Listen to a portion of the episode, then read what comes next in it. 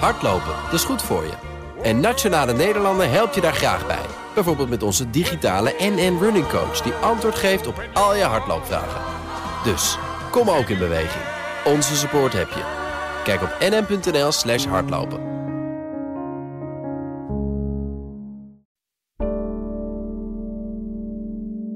Van opkomende AI-toepassingen in de financiële sector tot de ethische en regelgevende vraagstukken die ermee gepaard gaan, we bieden u een diepgaand inzicht in de rol van AI. In de economie en het bedrijfsleven. Ja. Dit is hoe ChatGPT een intro voor deze podcast zou schrijven. En als je het ons vraagt, kunnen wij dat beter. Nu althans nog. Toch heeft de komst van het AI-chatprogramma ook op onze redactie voor allerlei vragen gezorgd. Zijn wij journalisten nogal nodig? En wat betekent de introductie van programma's zoals ChatGPT voor de rest van de arbeidsmarkt? En hoe moet het onderwijs zich daarop aanpassen? Alles is nog onzeker, maar in een poging toch iets van antwoorden te vinden op deze vragen, ging ik de afgelopen week met twee collega's de studio in. Met Ardy Vleugels, die schrijft voor het FD over onderwijs en die zich de laatste tijd ook veel bezighoudt met vragen over AI. En met Marceline Bresson. Zij is ook veel met het onderwerp bezig. Mijn naam is Elfanie Toulaar. Echt waar, dit is geen computerstem. En dit is De Week Voorbij, de weekendpodcast van het FD.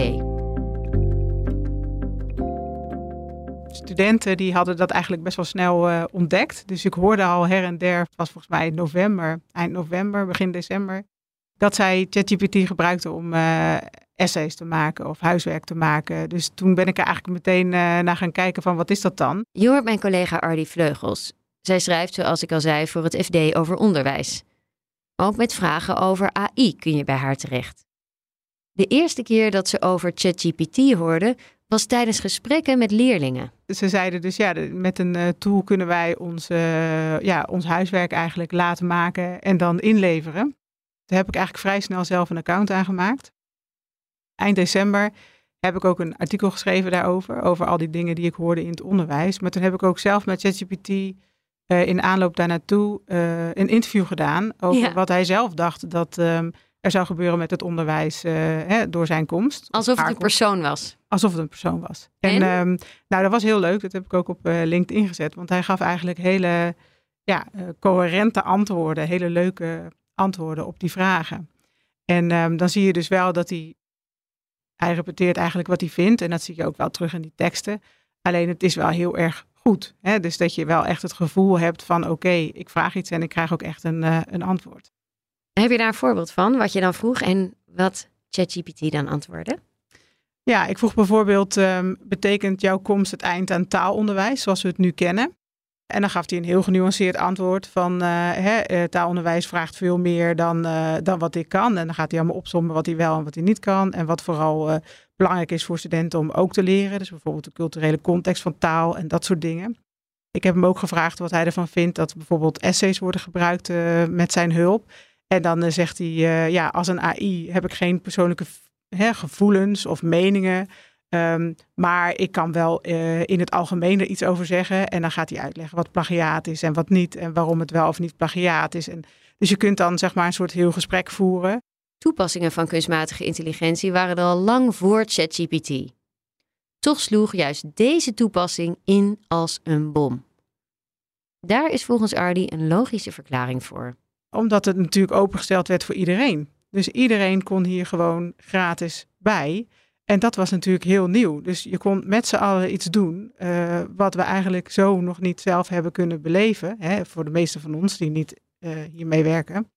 En dat maakt het natuurlijk heel anders. Dus toen zijn heel veel mensen tegelijkertijd uh, erover gaan nadenken van, maar wat kan ik er dan nog meer mee? En welke applicaties kan ik hier dan weer mee bedenken? En daarom is het volgens mij ja, interessant.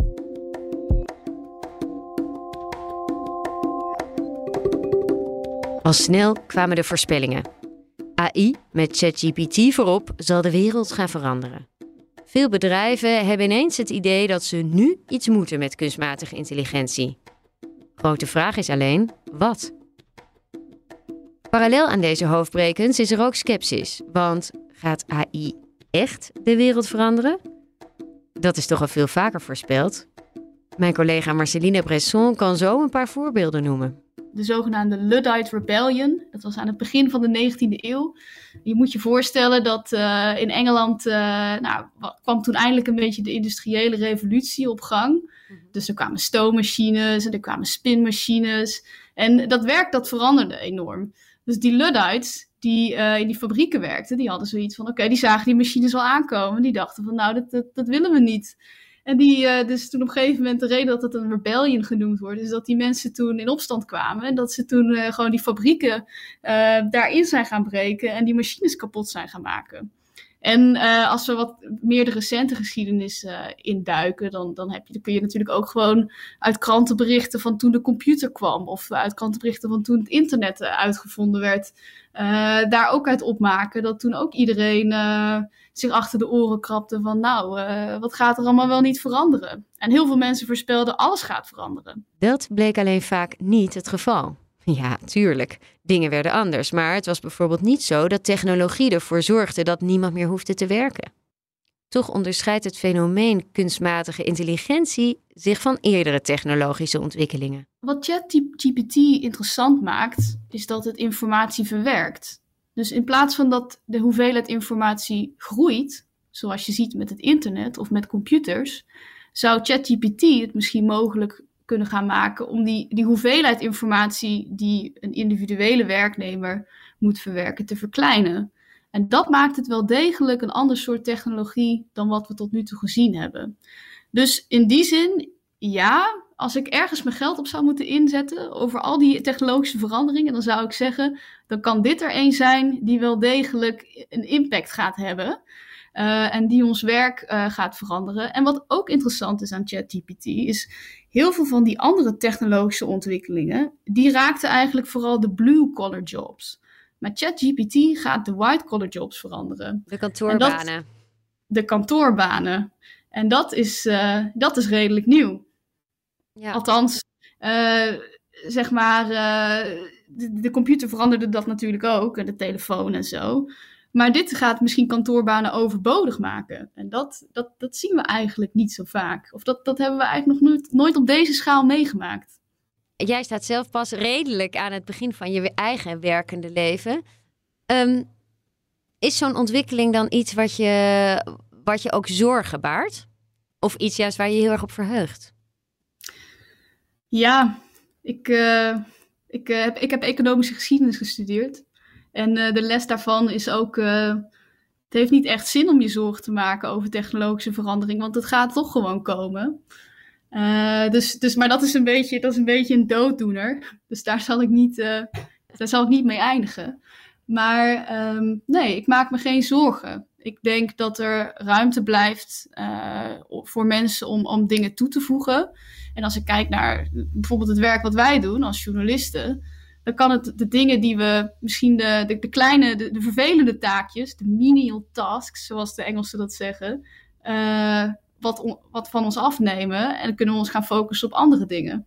Maar ik was laatst uh, uit eten met wat uh, vrienden van me die voor een groot consultingbureau werkten. En die zeiden wel echt van, nou wij knijpen hem wel een beetje, want ChatGPT kan straks gewoon onze slide decks maken. Dus ik denk dat het er wel heel erg. Uh, het gaat wel de, de, de baankeuze van mensen veranderen. En voor mij persoonlijk vind ik dat niet. Ik vind dat niet vervelend. En misschien merk jij er nog niks van. Maar bij veel bedrijven heeft kunstmatige intelligentie al allerlei veranderingen in gang gezet. Er gebeurt ontzettend veel mee. Want allerlei uh, bedrijven zijn ermee aan de slag gegaan. En zijn gaan kijken hè, van wat kan ik hier nou sneller of beter mee.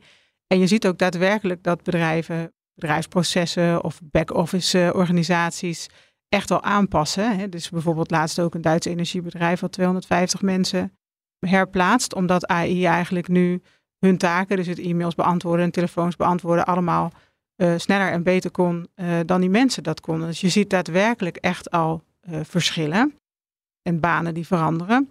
Alleen wat betekent dat voor de toekomst is ingewikkelder. Dus je weet hè, eh, AI en vooral ook de taalmodellen die nu ontwikkeld worden, zoals ChatGPT, die kunnen um, veel taken van ons gaan overnemen die te maken hebben met rekenwerk of doewerk.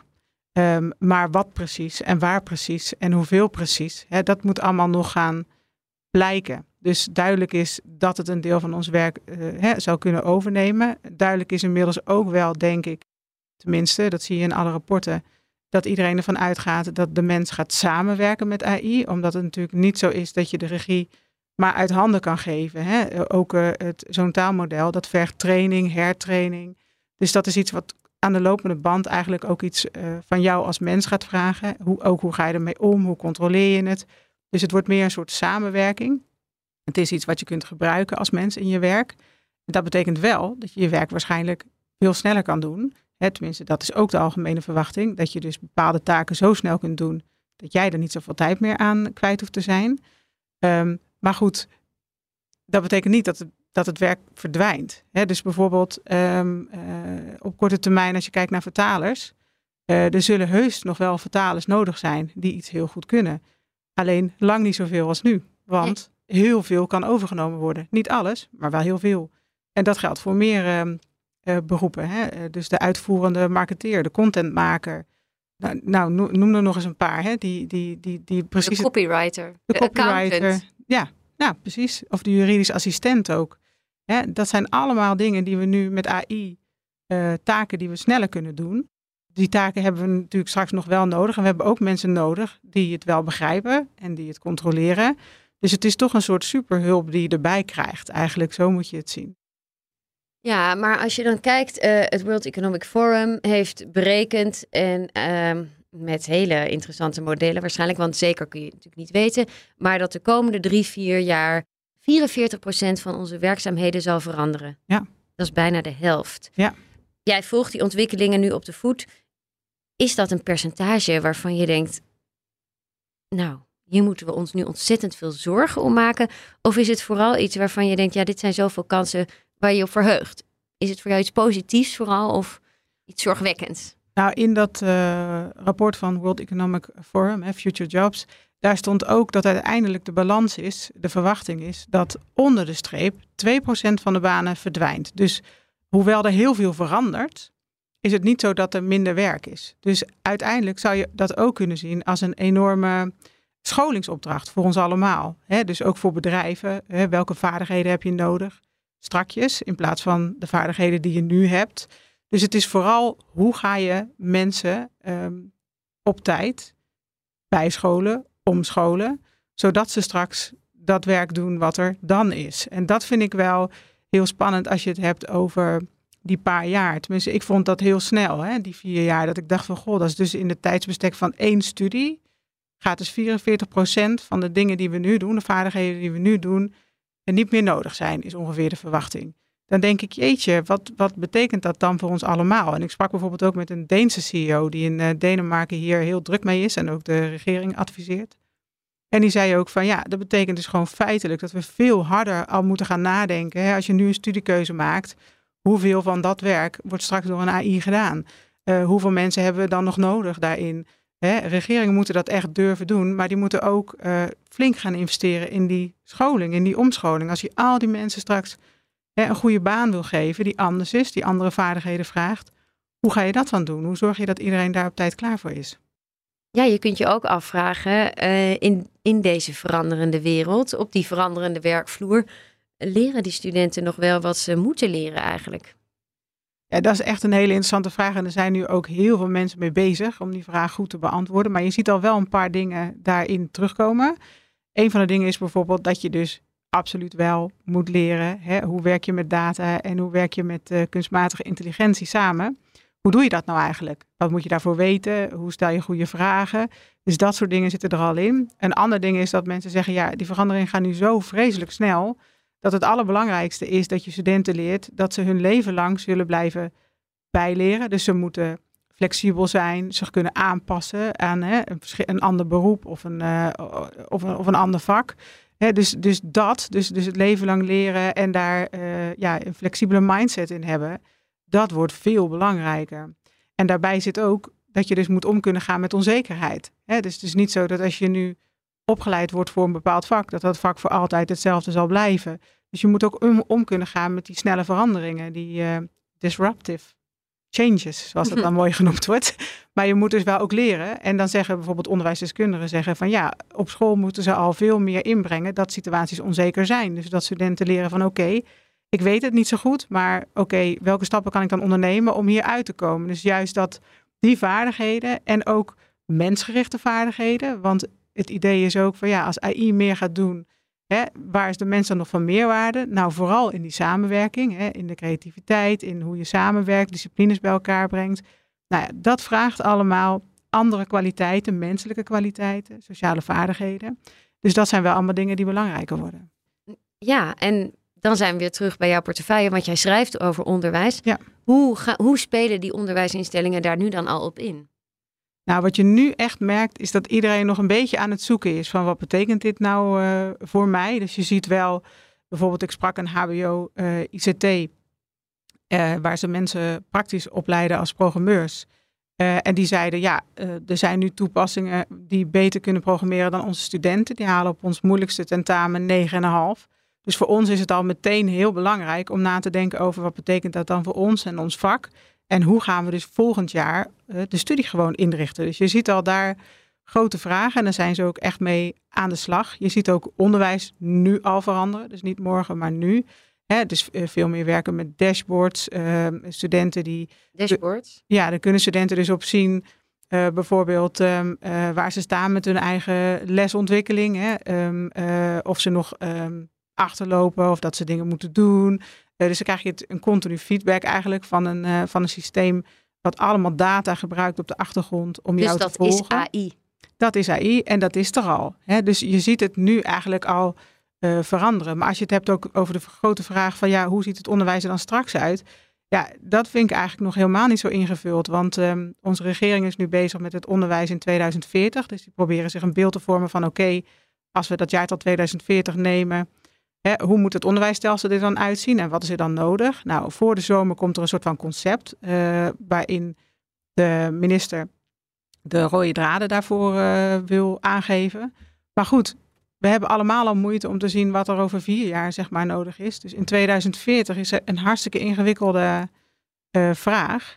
En ik denk dat de snelheid hier een hele moeilijke factor is. Dus de snelheid waarmee er nu dingen veranderen en de snelheid waarmee we die efficiëntie hè, ook willen en soms ook bereiken, uh, loopt misschien niet uh, in dezelfde tred als de snelheid waarmee we een heel onderwijsstelsel kunnen omgooien of zouden moeten willen omgooien. Dus het wordt wel heel spannend, denk ik, hoe we met elkaar ja, toch gaan nadenken over die toekomst. En een ander punt bijvoorbeeld is ook dat um, de rapporten die nu geschreven worden, die gaan er eigenlijk allemaal van uit dat um, mensen die heel praktisch geschoold zijn, hè, een loodgieter of een schilder, die houden hun baan wel. Maar juist de mensen die um, uh, een HBO of een universiteit hebben gedaan en veel uh, ook met de computer samenwerken, juist daar gaat er heel veel uh, veranderen. Dan heb je straks dus heel veel mensen die niet praktisch geschoold zijn, maar die wel in een baan zitten die ofwel verandert of hè, misschien zelfs voor een deel verdwijnt. Um, die moeten iets anders gaan doen. Dus die moeten omgeschoold worden naar of de top, hè, dus de mensen die uh, ja, gaan mede beslissen hoe we dit allemaal gaan doen, die dat moeten aansturen. Maar een groot deel zou ook praktischer misschien omgeschoold moeten worden. Hè, of een leven lang uh, moeten kunnen leren. Nou, hm. dat vraagt echt ontzettend veel van uh, ja, hoe we allemaal nadenken over scholen en universiteiten. En hè, wanneer je kunt studeren. En, en over jezelf. En over jezelf. Stel, jij was nu um, 17, 18 jaar en je had net eindexamen gedaan. Hoe zou je dan zelf nu dan een keuze voor een geschikte studie maken? Wat zou je meteen wegstrepen en, en waar zou je op focussen? Ja, ik denk dat dat best wel lastig is, want uh, dat ligt natuurlijk altijd ook aan je eigen passies. Ja, tuurlijk. maar ook aan je ambitie. En aan je ambitie, zeker. Maar ik zou er nu wel over nadenken. Als ik nu een studiekeuze zou moeten maken, dan zou ik wel nadenken over de dingen die we net bespraken. Van, goh, hoe ziet het er dan uit over vier jaar of over tien jaar? Uh, en hoe ziet het werken dan uit? Ik zou daar wel nu over nadenken, ook als het gaat om uh, kunstmatige intelligentie. Dus ook als het gaat om welke taken worden straks dan overgenomen en wat betekent dat dan voor de manier waarop mijn werk misschien wel of niet eruit ziet. Ik zou dat wel als vraag nu meenemen, ja. Dit was hem voor deze week. Dankjewel voor het luisteren. Het laatste nieuws over kunstmatige intelligentie lees je in onze app. Volgende week zijn we er weer met een nieuwe aflevering. Ik ben te vinden op Twitter, Elfanie. En je kunt ook altijd een mailtje sturen naar podcast.fd.nl. We vinden het erg leuk om van mensen te horen. Redactie en montage van deze aflevering waren in handen van Yilda Bijboer. En de muziek is gemaakt door Visionair Ordinaire. Een heel fijn weekend en graag tot volgende week.